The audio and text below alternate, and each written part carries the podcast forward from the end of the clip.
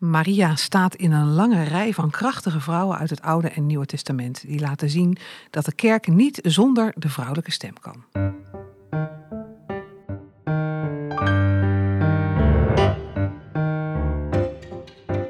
De Theologie-podcast gaat over wat vandaag speelt in kerk en theologie en wil delen, inspireren en verdiepen.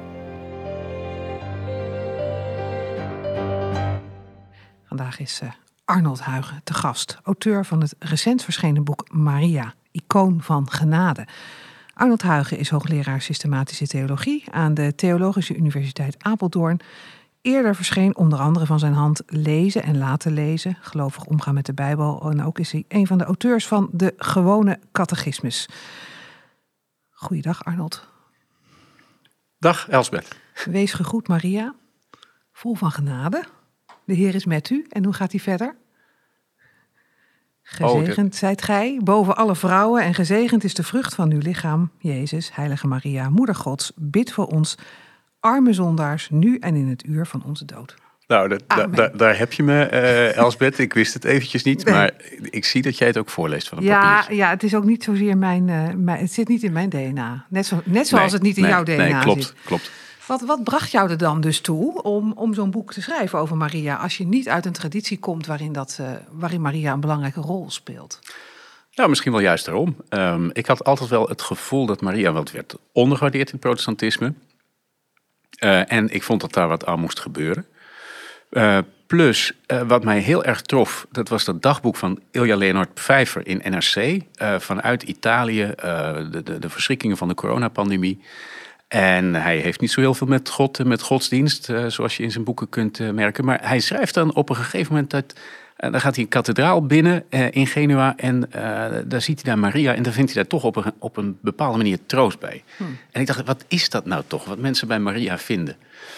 Um, en ik ben daar ingedoken en ik ben eigenlijk van het een in het ander gerold. En um, niet meer opgehouden te ontdekken. Nee, was er niet iemand thuis bijvoorbeeld of in je omgeving die toen je eraan begon zei: Ja, Arnold, dat kan toch echt niet dat jij nou als echte ras-protestant je met Maria bezig gaat houden? Of, of? Uh, nee, nee die, die, waren er niet. Ook omdat de mensen in mijn omgeving weten dat als je tegen mij zegt dat kan toch niet, dat dat, dat een belangrijke aanmoediging is om het wel te gaan okay. doen. Oké, zeiden ze andere dingen dan? Um, nou ja, ik vertelde er wel enthousiast over ja, thuis. En, en, en, en um, mijn kinderen die hebben dat uh, aangehoord. En uh, die, met een ironische blik gaan ze dan weer een pakketje aan. Uh, dat is zeker weer een boek over Maria dat binnenkomt. Um, nee, maar er ontstond wel een bepaald enthousiasme als ik te vertelde van wat er allemaal te vinden was. Met name vanuit de Bijbel dan. Ja, ja precies. Ja. De kerkgeschiedenis, dat is meer mijn ding. Dat ja, zegt de okay, mensen thuis maar, niet Maar de Bijbel centraal. Ja. Even over hoe dat ging bij jou. Je bent opgegroeid in, in, wat orthodoxere christelijke kring. Mm -hmm. wat, wat hoorde jij over Maria? Speelde zij ergens een rol in, in, in, in wat jij meekreeg? Nou, eigenlijk alleen rondom kerst. Mm. Uh, dus dan, uh, uh, in de aanloop naar kerst in de Adventsweek werd de lofzang van Maria wel geregeld gezongen. Mijn ziel maakt grote Heer. Precies, ja. En het beeld was dan toch wel, en dat klopt ook wel hoor, van Maria als gelovige. Maar dat is veel belangrijker dan ik toen heb gehoord. Zij is gewoon de gelovige. Uh, op de grens van Oud en Nieuw Testament. Uh, dus, dus ze is de eerste die het evangelie hoort. Hè? En dat is nogal een boodschap. En ze aanvaardt het. En niet zo'n beetje van, nou ja, vooruit dan maar. Nee, laat aan mij geschieden naar uw woord. Dus dan zegt ze royaal en voluit ja op wat God tegen haar zegt. Ja. Nou, vergelijk die, die, die oude priester Zacharias. He, die is thuis in Jeruzalem en in de tempel en die, die moet het allemaal weten. En die gelooft het allemaal niet. Maar wat Maria hoort is nog veel ongelooflijker. Ze, ze, ze zit jong, ze zit in de periferie. Wat heeft ze ervan begrepen? Niet um, getrouwd. Niet getrouwd, dus dat, dat gaat grote schande opleveren. En dan krijgt ze een soort uitleg van wat er zal gebeuren. Van ja, de, de, de Heilige Geest zal je overschaduwen. Nou ja, dan weet je het wel. maar dan weet je helemaal niks. Nee.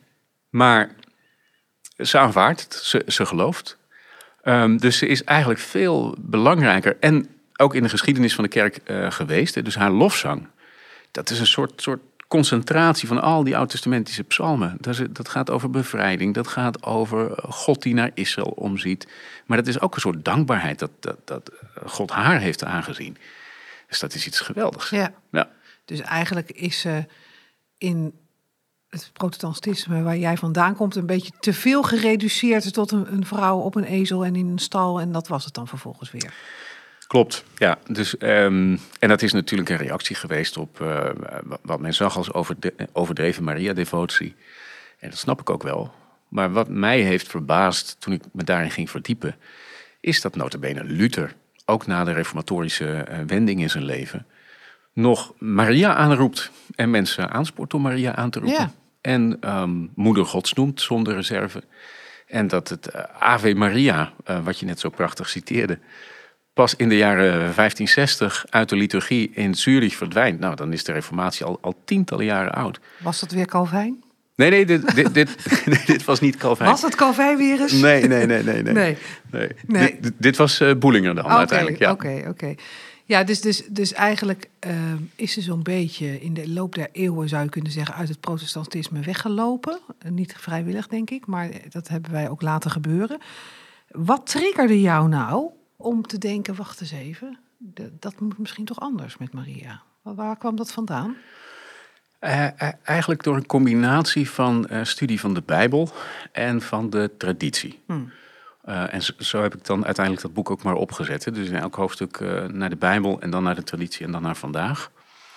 Um, en ik had ook het gevoel dat er bij Maria wat te halen viel als het gaat over gendervraagstukken. Zij is vrouw, zij is de vrouw. Hmm. Um, en ik denk dat het geen toeval is dat ja, de aandacht voor Maria wat minder uitbundig is geweest dan bijvoorbeeld voor Petrus of Paulus. Dat zou best wel eens met dat man en vrouw zijn te maken kunnen hebben. Nou, dat Ja. gevoel had ik en dat dreef me Mhm.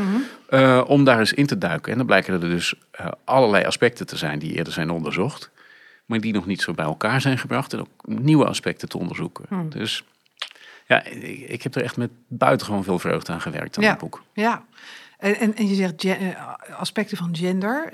Je bedoelt dat wij nadenken nu over de rol van man en vrouw. En ook, ook dat dat ook in de kerk natuurlijk gebeurt. Zeker. Ja, Ja, ja, en, ja. En, dan kom je natuurlijk ook al gauw terecht in een discussie over de rol die vrouwen kunnen hebben in de kerk. Zit dat daar Ja. ook aan verbonden? voor Ja, jou? dat zit er natuurlijk aan verbonden. Ja, ehm, de- Maria is volgens mij de moeder van alle gelovigen. Ehm, en dat, daar zijn aanwijzingen voor, ook in de Bijbelse tekst zelf. Als Je- Jezus eh, vanaf het kruis zegt hij tegen Johannes en Maria: eh, Vrouw, zie uw zoon, zoon, zie uw moeder. Dan verbindt hij ze aan elkaar in een nieuwe constellatie, een nieuwe familie. Mhm. Niet door bloedbanden, niet door natuurlijke banden, maar door de band die Jezus Christus legt. Nou, dat is eigenlijk de christelijke kerk. Ja. Ehm, en daar wordt Maria dus moeder genoemd. Eh, plus dat ze de eerste is die het evangelie überhaupt gelooft. Nou, je komt er op een, nog een aantal plekken tegen in het Nieuwe Testament. Ze heeft gewoon een heel fundamentele eh, plaats. Ja. Niet dat ik nu vind dat we eh, tot Maria moeten gaan bidden of iets dergelijks. Hè. Dus ik, ik ben wel compleet protestant, protestant even een gebleven. disclaimer bij, ik hoor hem. Ehm, ja, Ja. maar als je nou wilt zien wat kerk is, wat geloof is... dan kun je heel goed naar Maria kijken. Dan kun je het van haar leren. Ja. En jij zegt misschien, dit zijn even mijn woorden, hè, dat een mannelijke dominantie in theologie en kerk wel heeft gemaakt dat zij dus ook wat uit beeld is verdwenen. Eh, opvallend genoeg in het Rooms-Katholicisme dus niet. En dat is ook Nee. nogal een door mannen gedomineerde kerk, zou je kunnen zeggen. Klopt, dus er zitten verschillende kanten aan. Ehm, de- de- er zijn ook wel feministische theologen die eh, het Maria-beeld hekelen. eh, omdat ze zeggen, ja, het houdt eigenlijk aan vrouwen een onbereikbaar ideaal voor. Dus Maria is de eh, maagd en ze is moeder. Ja. En ze is de volmaakte moeder en ze is de volmaakte maagd. Ja, dat ga je dus nooit redden. Dus dat kan ook gebruikt worden om de duimschroeven aan te draaien. Van hoe, hoe goed je het ook doet, maar je bent lang Maria niet. Hè? Blijf maar naar Maria kijken en, en hou je maar stil. Dus zo kan dat wel functioneren, maar zo hoeft dat denk ik niet eh, te functioneren. Nee. En hoe, eh, voor zover je dat kan beoordelen, welke rol heeft zij in de Rooms-Katholieke kerk dan? Oh, allerlei rollen. En Ja. dus die, die rol is in Latijns-Amerika echt weer anders dan eh, in, in onze streken. Ja. Ehm, en daar zitten ook rollen bij die ik me heel moeilijk kan voorstellen, waar, waar ik heel moeilijk in kan komen. Zo? Ehm, nou ja, de, de uitgebreide Maria-devotie en het bij Maria zoeken voor eh, genezing en dergelijke. Ik heb daar boeken, boekjes over gelezen, waarvan ik denk, ja, dit, dit trek ik gewoon niet. Eh, dit komt voor mij echt in de buurt van dat ze de plek inneemt van, eh, Christus. van Christus. Ja. Eh, en dan maak ik het niet meer mee. Ehm, maar ik denk wel dat er een, een, een hoop te leren valt. Ja. Maar het, het- er is in de geschiedenis een hoop misgegaan. Hè? Dus de, de maagdelijke geboorte, Uh, dat staat in de Bijbel als een soort uitdrukking van Gods trouw aan Israël. Uh, er wordt er verwezen naar Jezaja. Um, en dat is, dat is prachtig. Matthäus haalt dat naar voren en dat zet hij aan het begin van zijn evangelie. En dat is heel belangrijk. God kijkt naar Israël om. En vandaar die maagdelijke geboorte. Wat gebeurt er nou in de kerkgeschiedenis al vrij vroeg? Dan wordt maagdelijkheid tot een soort zelfstandig ideaal. Uh, negatieve visie op seksualiteit komt daarbij kijken. Nou, dat zijn hele nare ontwikkelingen wat mij mhm. betreft. Mhm. En doordat die focus verschuift naar seksuele uh, zuiverheid, puurheid, reinheid, verdwijnt Israël uit beeld. Dus dat is eigenlijk een dubbele ongeluk wat mij betreft. En ik denk dat als we dus herbronnen, als we teruggaan naar de Bijbel, uh, dat, je, dat, je, dat je dat kunt repareren hmm. en dat dat een heel belangrijk gegeven is. Dus, maar het gaat dus veel verder dan alleen. Dus, dus met het restaureren van Maria restaureer je ook dit, dit soort aspecten, zeg je. Absoluut, ja, ja. Ja. ja, Dus het is heel triest dat naarmate je de Maria-devotie de gestalte aanziet nemen van... Uh, het gaat om de, de, de maagd en maagdelijkheid en zo... dat in christelijk Europa uh, ook het antisemitisme toenam. Terwijl, ze is natuurlijk een Joodse vrouw. Ja. Uh, onmiskenbaar. Hoe hebben we dat kunnen vergeten? Ja, dat is verschrikkelijk. Net zoals Jezus een Joodse man is. Hè? Absoluut. Ja. ja. We praten zo verder over Maria en over jouw boek daarover, Arnold Huigen. Maar we gaan eerst naar de boekenrubriek. Gertjan van Rietschoten, boekhandelaar, dus bekend met alles wat nieuw is op de markt. Wat heb je meegenomen voor ons? Dankjewel. Ik heb het eh, boek van Beatrice de Graaf meegenomen. Beatrice de Graaf kennen we eh, als auteur van allerlei andere werken die met uh, terreuronderzoek te maken hebben. Ze heeft nu een boek geschreven, Radicale Verlossing.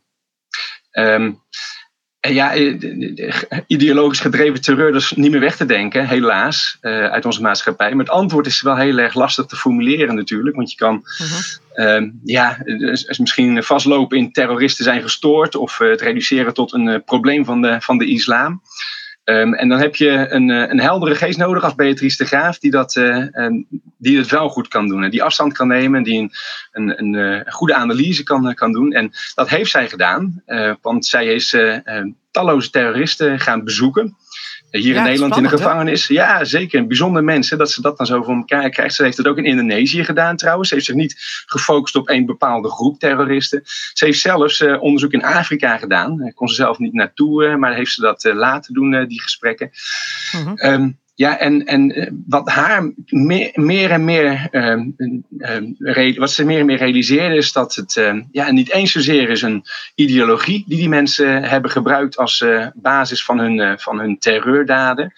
maar dat het eigenlijk een hele, en dat vind ik wel weer herkenbaar, een hele persoonlijke ehm, Um, zeg maar realiseren zijn zeg maar, dat je um, verlossing nodig hebt. En dat je, um, ja, dat je een, een probleem wil aanpakken. Namelijk, eh, je ziet onrecht in de wereld gebeuren. Je ziet onrecht gebeuren in je eigen leven. Daar moet je iets aan doen. Daar moet je mee aan de slag. Nou, dat is uh, een, een, eh, een gegeven wat we allemaal wel kennen. maar deze mensen die zijn op zoek naar een, een verlossing die ze dan echt zelf, want het is een eigen radicale verlossing, uh, willen gaan brengen. En, en ja, zich helemaal vol overgave storten in die zelfverlossing, zeg maar ja. die terreurdaden. En, en, en leidt zo'n boek dan tot begrip voor deze mensen of was je er nog banger van? Nou, nee, nee ik, wat mij betreft inderdaad meer begrip en uh, medeleven, compassie, zeg maar, richting die mensen op een bepaalde manier. Um, en ik denk dat dat uh, ja, ook wel goed is uh, om, om dat ook te realiseren in deze maatschappij, waar überhaupt religie en zingeving natuurlijk ja, lastige begrippen zijn om over te spreken. Um, begrijp ik hun nu op dit moment door het boek van Beatrice de Graaf toch een stukje beter, geloof ik. Ja, zeker. Ja. Dat is een mooie aanbeveling. Dankjewel, Gert-Jan van Rietschoten. Arnold Huigen, Maria, icoon van genade. We keren terug tot de moeder gods. Is dat een term die je ook zou gebruiken? Jawel hoor, dat kan. Hij is voor misverstand vatbaar, maar... Ehm, officieel moet je zeggen, het Theotokos is in het Griekse term. Dat betekent, zij is degene die hem heeft gebaard, die ook God is. Ja. Dat is een beetje mondvol, dus ja. ik snap wel dat het werd ingekort tot moeder gods. Hoewel het niet 100% de juiste vertaling is. Nee, want laten we het eens even over de misverstanden hebben. Hè? Mhm. Want uh, ik, ik gooi er maar een paar op tafel als, uh, als protestant. Ja, afgodendienerij, Maria. Maria krijgt de rol van Christus. Kaarsjes branden, arme vrouwtjes op hun knietjes, bloempjes leggen bij het beeld. Kan allemaal niet. Nou, dat, dat, daar ben ik het eigenlijk wel mee eens. Um, alleen het protestantisme is dus zo ver gegaan dat we alle beelden eruit hebben gezet. En dat was toen ter tijd, de 16e eeuw, wel begrijpelijk. Omdat eh, ja, beelden dus eigenlijk in de weg stonden eh, om God te leren kennen. En mensen zeiden, ja, je moet de Bijbel leren lezen en dan moet je zelfstandig kunnen doen. Je moet eh, persoonlijk God kennen, dat is waar. Nou, intussen kunnen we lezen en hebben we Bijbels. Ehm, maar beelden hoeven niet verkeerd te zijn. Hè? Beelden kunnen een venster openen op de werkelijkheid van God. Nou, vandaar dat ik Maria ook icoon noem. Iconen in de Oosterse orthodoxe traditie bieden echt een venster op de werkelijkheid van God. Ja. Dus uh, dan gaat het niet om dat je, dat je afgoderij gaat bedrijven met dat beeld of zo. Dat moet inderdaad niet. Uh, maar beelden doen er wel toe. Want als je er naar kijkt, bijvoorbeeld naar een beeld van Maria, dan zou jou dat iets kunnen zeggen over wie God is. Precies. Je ziet aan haar uh, niet alleen wat geloof is, maar ook hoe, hoe groot Gods genade is. En Maria is eigenlijk gewoon, gewoon ongekwalificeerd. dus als vrouw telde ze toen niet mee. Ze was jong en je moet eigenlijk oud zijn. Ze zit in de periferie, ze is ongetrouwd. Dus Ongeschikt, ongeschikt, ongeschikt. En God zoekt haar op. En als God haar kon opzoeken, nou ja, dan kan dat bij ons ook. Ja. Eh, volgens mij is ze op die manier echt een toonbeeld van genade. Dus uh, ze is een toonbeeld van niet toonbeeld zijn. Daar zit iets heel paradoxaals in. Um, vandaar dat wat mij betreft Maria-beelden ook niet, niet perfect uh, hoeven te zijn. Hè? Dus wat Michelangelo heeft gemaakt, die Pietà, uh, die, die in Rome staat, Maria met de gestorven Jezus op haar knieën is, is prachtig. Hmm. Ehm, maar het hoeft allemaal niet perfect te zijn. Staat er even een gewetensvraagje? Bij alles wat er bij jou bezorgd werd thuis, waren boeken, werden er ook beelden bezorgd? Nou, je bent niet de eerste die dat vraagt, eerlijk gezegd. Sommige van mijn collega's hebben dat ook oh, wel gevraagd. het uh, intrigeert ons blijkbaar. ja, er zijn geen beelden bezorgd. Nee? nee, En zou je, zou je wel een beeld van de Maria in je studeerkamer? Nou, ik, ik, zou wel graag een icoon uh, willen hebben, ja ja, ja. Dus als iemand dit hoort en denkt, nou... Een icoon van Maria. Want ik heb, een, ik heb ook een icoon, maar daar staat Christus op. Maar jij zou dan een icoon van Maria ook wel... Uh... Ja, beide zijn welkom. Beide zijn welkom. nou, wat een ruimhartigheid. Maar, ja. maar je zegt dus, die beelden hebben wij in de reformatie uh, met reden weliswaar het buiten de kerk gezet. Maar daarmee hebben we ook wel wat verloren. Zeker. En... We hebben een accent op schoonheid verloren. Dus um, traditioneel zijn waarheid, goedheid, schoonheid aan elkaar verbonden protestantisme is heel erg ingezet op de waarheid en ook wel op goedheid. Hè? Dus wat is het goede leven? Verum en bonum. Ja. En de maar, die... Uh... Ja, de schoonheid, daar zijn we gewoon niet, uh, niet goed in. Nou, maar is Maria verbonden aan de schoonheid? Wat mij betreft wel. Um, dat, dat, daar zit ook een persoonlijke kant aan voor mij. Uh, de, twee van mijn zoons zingen bij het Campo Boys Choir. Um, en die zingen even songs in deze tijd van corona helaas nauwelijks meer. Ehm, maar dat is van zo'n schoonheid, dan word je werkelijk boven jezelf uitgetild. Noem mij maar een romanticus, maar dat is de ervaring die ik heb. Met name als dat dan in de bovenkerk gebeurt in Kampen. Er worden geen erediensten meer gehouden, maar eens in de zoveel tijd wordt daar op die manier godslof gezongen. Um, dat is van een bovenaardse schoonheid. Nou ja, misschien moet je wel een heel aardse schoonheid noemen. Hmm. En uh, het Magnificat, de lofzang van Maria, is altijd een vast onderdeel van die Evensong. Elke dag opnieuw. Um, ja, en dat, dat missen we denk ik in de protestantse traditie wel mm. wat. Ja. Mhm, mhm. ja. Zeg jij, komend echt uit die traditie. Zeker. Dus je spreekt dan vanuit gemis. Um, en je zei net al, ik ben natuurlijk wel bij het woord begonnen, want ik blijf een protestant, voeg ik er dan maar aan toe. En wat vond jij in de Bijbel over Maria, waarvan je zelf ook dacht, hé, hey, dat geeft toch een andere blik dan ik altijd heb gehad van die vrouw in die stal en op die ezel? Um, nou ja, de, het eerste is wel wat ik net noemde. Hè? Dus uh, Maria aan de voet van het kruis als moeder van, uh, uh, van de gelovigen. Maar daarnaast ook hoe strijdbaar ze eigenlijk is. Hè? Dus later mij geschieden naar uw woord. Dat kun je heel devoot en heel timide. Overgave. Ja, dat is overgave. Maar er zit ook iets in van, yes, laat het gebeuren. Ja, dit moet gebeuren. Hm. Um, iets krachtigs. Ja, op, op het omslag van het boek... Um, staat wat mij betreft ook een, een krachtige Maria. Ik ben heel blij met uh, hoe, de, hoe dat is uh, vormgegeven. Um, dus niet devoot de, hand, de ogen omhoog geslagen of naar beneden, maar ze kijkt je recht aan. Hm. En dat is Maria ook. Dus uh, kijk, zij wordt de gezegende onder de vrouwen genoemd. En wat ik niet wist, maar wat ik heb geleerd, is dat dat verder in de traditie, in de Bijbel, maar van twee vrouwen geldt. Dat geldt van Jaël en dat geldt van de Deuterocanonieke Judith. Hmm. En dat zijn allebei vrouwen. Nou, dat zijn pittige, pittige naams. Pittige vrouwen, ja. Ja, al slaat een tentpin door het hoofd van Sisera, de legeraanvoerder. En uh, Judith hakt één hoofd af. gezegend onder de vrouwen. Ja. Nou, als Maria dan gezegend onder de vrouwen wordt genoemd, dan wekt dat wel bepaalde verwachtingen, zal ik maar zeggen, die ik eerder zo niet had eh, gezien. Nee, want je zag haar misschien toch meer als een, als een nederige dienstmaagd. Dat is ze ook. Ja, En tegelijkertijd zit daar ook een, een, een revolutionair kantje aan. Lees dat, eh, die lofzang van Maria. Dan gaat het over de mensen die hoog zijn, die heeft hij van Ja. de troon gestoten En nederigen worden omho- eh, verhoogd.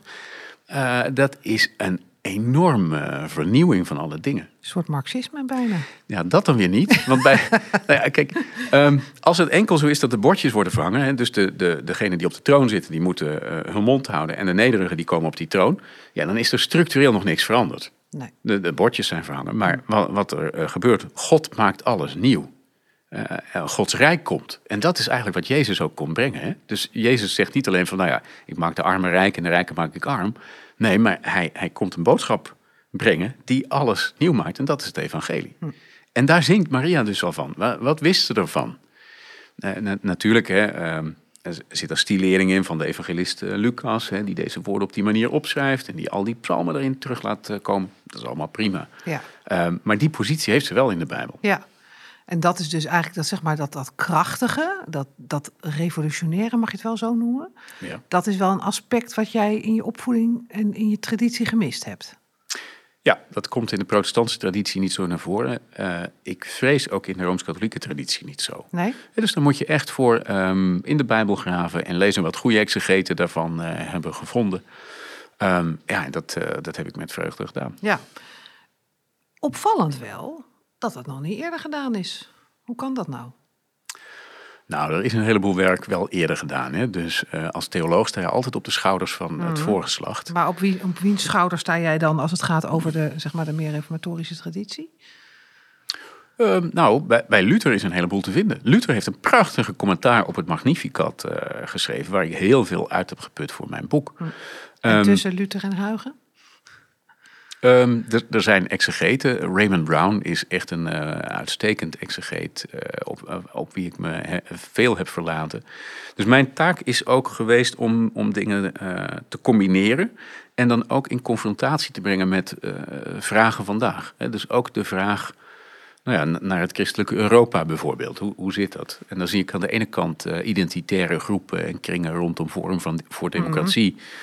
Eh, die een rechtse kant op willen waar ik allerlei vraagtekens bij heb van hoe christelijk dat wel is. En aan de andere kant zie ik een soort relativisme van, nou ja, of je nou in Europa leeft of in Afrika of in Azië, hè, dat maakt eigenlijk niet zo heel veel uit. Eh, en dat relativisme kunnen we ons veroorloven omdat we in Europa leven. Dus het is heel Europees om da- daar zo over te praten. En ik denk dat het beeld van Maria als de ideale vrouw ook wel licht kan werpen op van, nou wat is nou de positie van Europa? Er is in Europa wel iets speciaals gebeurd in de wereldgeschiedenis. En dat moeten we niet wegpoetsen en we moeten ook niet ons erop verheffen. Nee. Dus niet zeg maar de, de boreale aanvliegroute, Nee. maar een, een, een, een, een wat nederiger aanvliegroute. En daar speelt Maria dan ook weer een rol in? M- Maria bepaalt bij eh, lichamelijkheid. Ja, dus ehm, je kunt er een heel eh, geestelijk evangelie van maken. En dat is, dat is ook vaak geprobeerd. Maar het is gewoon een evangelie van vlees en bloed. Ja, er is een kind geboren. Daar is een en kind daar gaat geboren. meestal wel wat bij, eh, komt daarbij kijken. Daar komt van alles bij kijken. Bloed bijvoorbeeld. Ja, bloed. Ja. Ja, maar de hele vleeselijke realiteit van... hij is echt mens geworden en de, eh, niet een perfect mens zo uit de hemel gedropt. Maar ehm, ik heb in het begin van mijn boek een, een citaat van Dante. Eh, eh, aanschouw nu het gezicht eh, op wie Christus het meest lijkt. Ja, hij, hij je kon natuurlijk zien dat er een van Maria was. ja, van wie ben je er eentje? ja, Ja. ja. Nou, van Maria en Jozef. Oh ja. Ja, ja, ja, ja. Dus dat was, dat was goed te zien. En ehm, Luther noemt dat Christus in het vlees trekken. En ik denk dat dat helpt om, om een weg te vinden. Nou ja, ook als het gaat over discussies over gender, maar ook als het gaat over Europa. Een soort middenweg tussen. Hoor eens, eh, eh, verbeeld je maar niks. Je bent ergens en je bent op een bepaalde tijd. Je, je bestaan is vleeselijk. Dus eh, doe niet alsof je nergens vandaan komt of zo. Je komt hier vandaan. En tegelijkertijd word je daar niet op vastgepind. Hè? Maria was ook eh, nou ja, heel erg bepaald, zou je kunnen zeggen, door haar context en door haar eh, vleeselijke zijn. Tegelijkertijd tilt God haar daar ook op een geweldige manier bovenuit, doordat zij de moeder van de verlosser wordt. Ja. ja, want je zegt eigenlijk, dat zei je al eerder, zij, ik kan je nauwelijks voorstellen dat ze precies begreep wat er gaande was. Uh, begrijpt toch nog steeds nog niemand? Nog steeds niemand, nee, precies. Dus dat kan je van haar ook niet verwachten. En toch krijgt ze die rol. Dat, is ook, dat zegt natuurlijk ook iets over wie God is. Ja, ja dus waar we ons ook bevinden. Hè, dus ik ben Nederlander en ik ben Europeaan en ik ben man en zo. En, uh, van middelbare leeftijd wit. Ja, vergeet het even niet. Heteroseksueel, ook niet onbelangrijk. Ja, ja, ja. Dus dat, en dat zijn allemaal gegevenheden. Um, en het is niet zo dat die er helemaal niet toe doen. En, maar het is ook niet zo dat, dat dat nou zo jou bepaalt. Hè, dat je dan dus niks zou mogen zeggen over mensen die anders zijn. Of dat er geen contact mogelijk is met mensen die anders zijn. Als je dat pad op gaat, hè, van die, ik noem dat toch even, dat, dat woke uh, denken. Dan uiteindelijk is iedereen met zichzelf alleen en kunnen we niet meer met elkaar communiceren.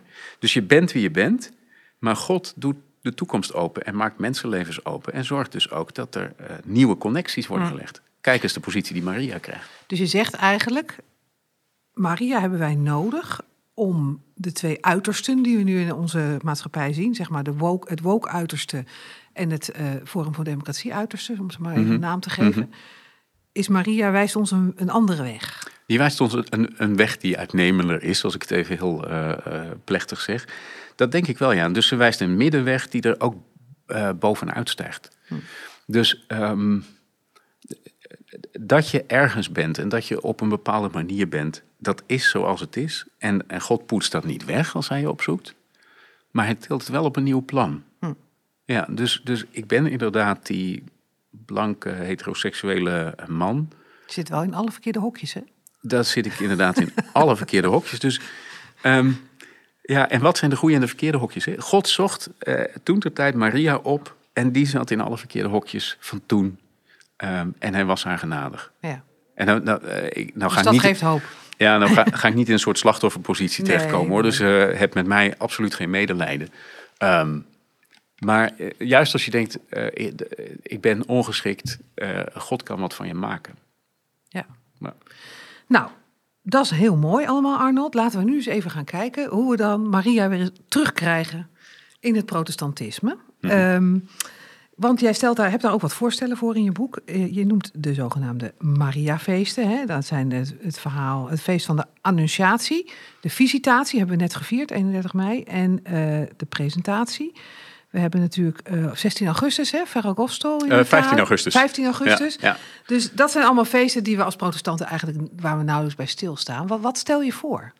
Nou, ik stel voor om in ieder geval de Annunciatie een grote plek te geven. De annunciatie, dat is de aankondiging Ja. van de geboorte. Hè, dus logischerwijs negen maanden voor kerst. eh, Ja. Dus 25 maart. Ehm, en dat, eh, daar begint het eigenlijk. Daar begint het Nieuwe Testament, Hm. zou je kunnen zeggen. Mhm. En dat is een geweldig belangrijk moment. En ik, ehm, nou ja, als ik dat tegen collega's zeg, dan zeggen ze ja, maar dat, dat gaat toch niet gebeuren. Hm, veel protestanten staan op 31 oktober stil bij Hervormingsdag. Ja. En dat is de dag waarop Maarten Luther zijn stellingen publiceerde. En dat is, eh, dat is mooi dat hij de kerk terugleidde naar het evangelie. Tegelijkertijd leidde het ook de breuk in de westerse kerk in. Dus dat is niet zo mooi. Maar als je nou bij een eh, gebeurtenis uit de kerkgeschiedenis kunt stilstaan, dan kun je dat toch zeker bij deze fundamentele gebeurtenis uit de heilsgeschiedenis. Ja. En als je nou vraagt, ja, maar we hebben al zoveel feesten, waarom zouden we het doen? Nou, we hebben helemaal niet zoveel feesten. Eh, het apart is dat we bij sommige feesten een tweede feestdag houden. Dat is echt heel, heel bijzonder. Ehm, maar bij de annunciatie ligt de nadruk op de ontvangende kant ook. Dus dat, dat is Maria die ontvangt. Ehm, natuurlijk moet het altijd gaan om Christus en om wat God doet. Maar daar mag echt wel aandacht voor zijn. Ja, dus 25 maart in ere herstellen. Ja, ja, ja. Of de, de zondag die daar het dichtst bij ligt. Ja. Ja. Ehm, kijk, eh, als je het nou hebt over vij- 15 augustus, eh, Maria Hemelvaart, waarvan mijn rooms-katholieke eh, collega's dan direct zeggen: Oh, oh, nee, het is Maria ten hemelopneming, want ook daar ligt de nadruk op wat God doet. Ja. Eh, dus de point taken. Ehm, ja, daar heb ik dan wat minder behoefte aan.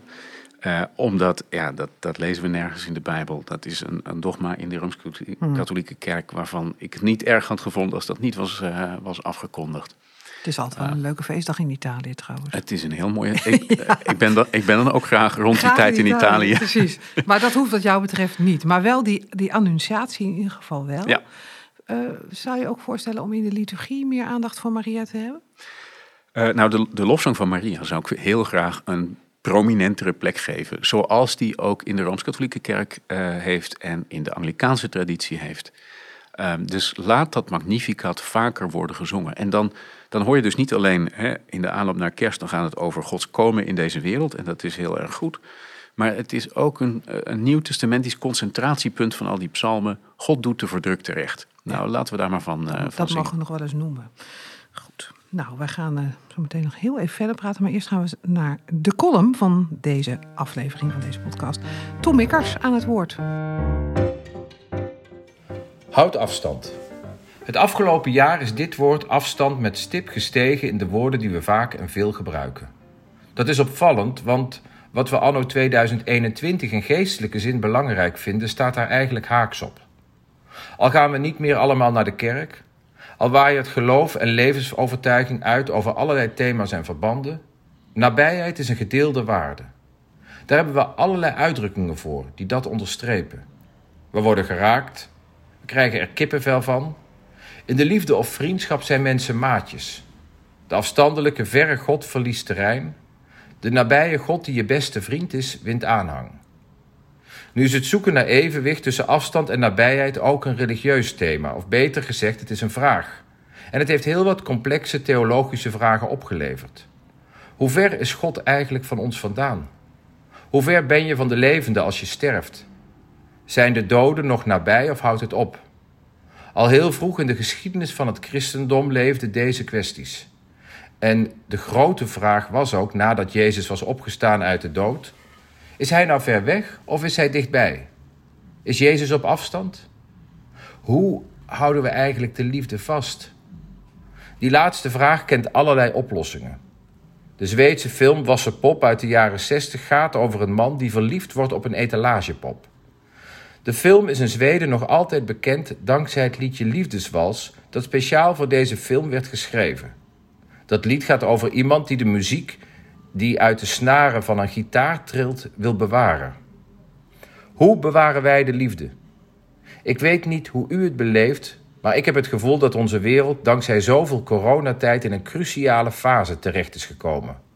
We zijn stilgezet op ongekende wijze. En hoe gaan we straks verder? In het Nieuwe Testament bepleit Jezus te alle tijden radicale liefde. En ik begrijp dat die radicale liefde geen afstandelijke wassen poppen verdraagt. In het Oude Testament zijn de tien geboden er ook duidelijk over. Heb geen godenbeeld lief. Met dit verbod ging er wel iets verloren. Iets waarvan wij de waarde in deze coronatijd ook zo goed kunnen navoelen, omdat het niet meer vanzelfsprekend is. Nabijheid. De Joodse transcendente God was verder weg dan anderhalve meter. Godenbeelden kon je vasthouden. De zon als God kon je elke dag zien en de dondergod kon je horen, maar wat kon je met die Joodse God? Wat kon die Joodse God eigenlijk, onzichtbaar als hij was en zo ver weg? Hoe de liefde te onderhouden als er afstand is. Het is misschien wel de spirituele les van onze tijd. Als het leven een bitterzoete liefdeswals is, laten we elkaar dan weer leren dansen. Met de juiste afstand tussen God en mens, met voldoende afstand tussen mensen en voldoende nabijheid. Dans je liefdeswals. Column van uh, Tom Mikkers. Ja, Arnold, geen gesneden beelden, hè? Nee, zeker dus van Maria geen gesneden beelden. Even nog uh, kort ter afronding. Um, wordt zo'n boek als dit uh, een beetje begrepen in een wat meer orthodox protestantse kring? Of word jij, ben jij nu de zonderling uit Kampen die een boek over Maria heeft geschreven? Nou, uitzonderlijk is het wel dat protestanten over Maria schrijven. Um, hoe het zal worden ontvangen, ja, we gaan het beleven. Ja. Uh, volgens mij verdient Maria aandacht en, en misschien daarom mijn boek ook wel. Ben je er bang voor, voor de reacties? Nee, bang moet je sowieso nooit nee, zijn. Maar nou ja, oké, okay, niet bang, maar, maar, lichtelijk gespannen misschien?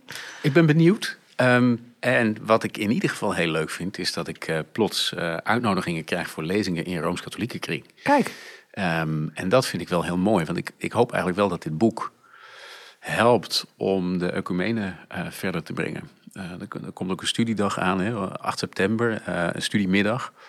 Um, met protestantse en rooms-katholieke sprekers. En ik hoop gewoon echt dat dit verbindt. Ik denk dat samen studeren op Maria en samen kijken naar Maria helpt om de verbinding te zoeken. Ja, nou, dat zou mooi zijn als dat zo werkt. Want volgens mij heb jij ook de Rooms-Katholieke broeders en zusters nog wel wat mee te geven als het over Maria gaat. Dat hoop ik wel. Ja. Dankjewel Arnold Huigen voor dit gesprek over het boek Maria, icoon van genade. Te krijgen in uw boekhandel en koop het vooral bij de plaatselijke boekhandel. Ik verwijs u ook nog even naar de website theologie.nl, waar u als in theologie geïnteresseerde veel interessante informatie kunt vinden. Artikelen staan erop, blogs en recensies. Bekijkt u het eens en kijkt u er eens rond.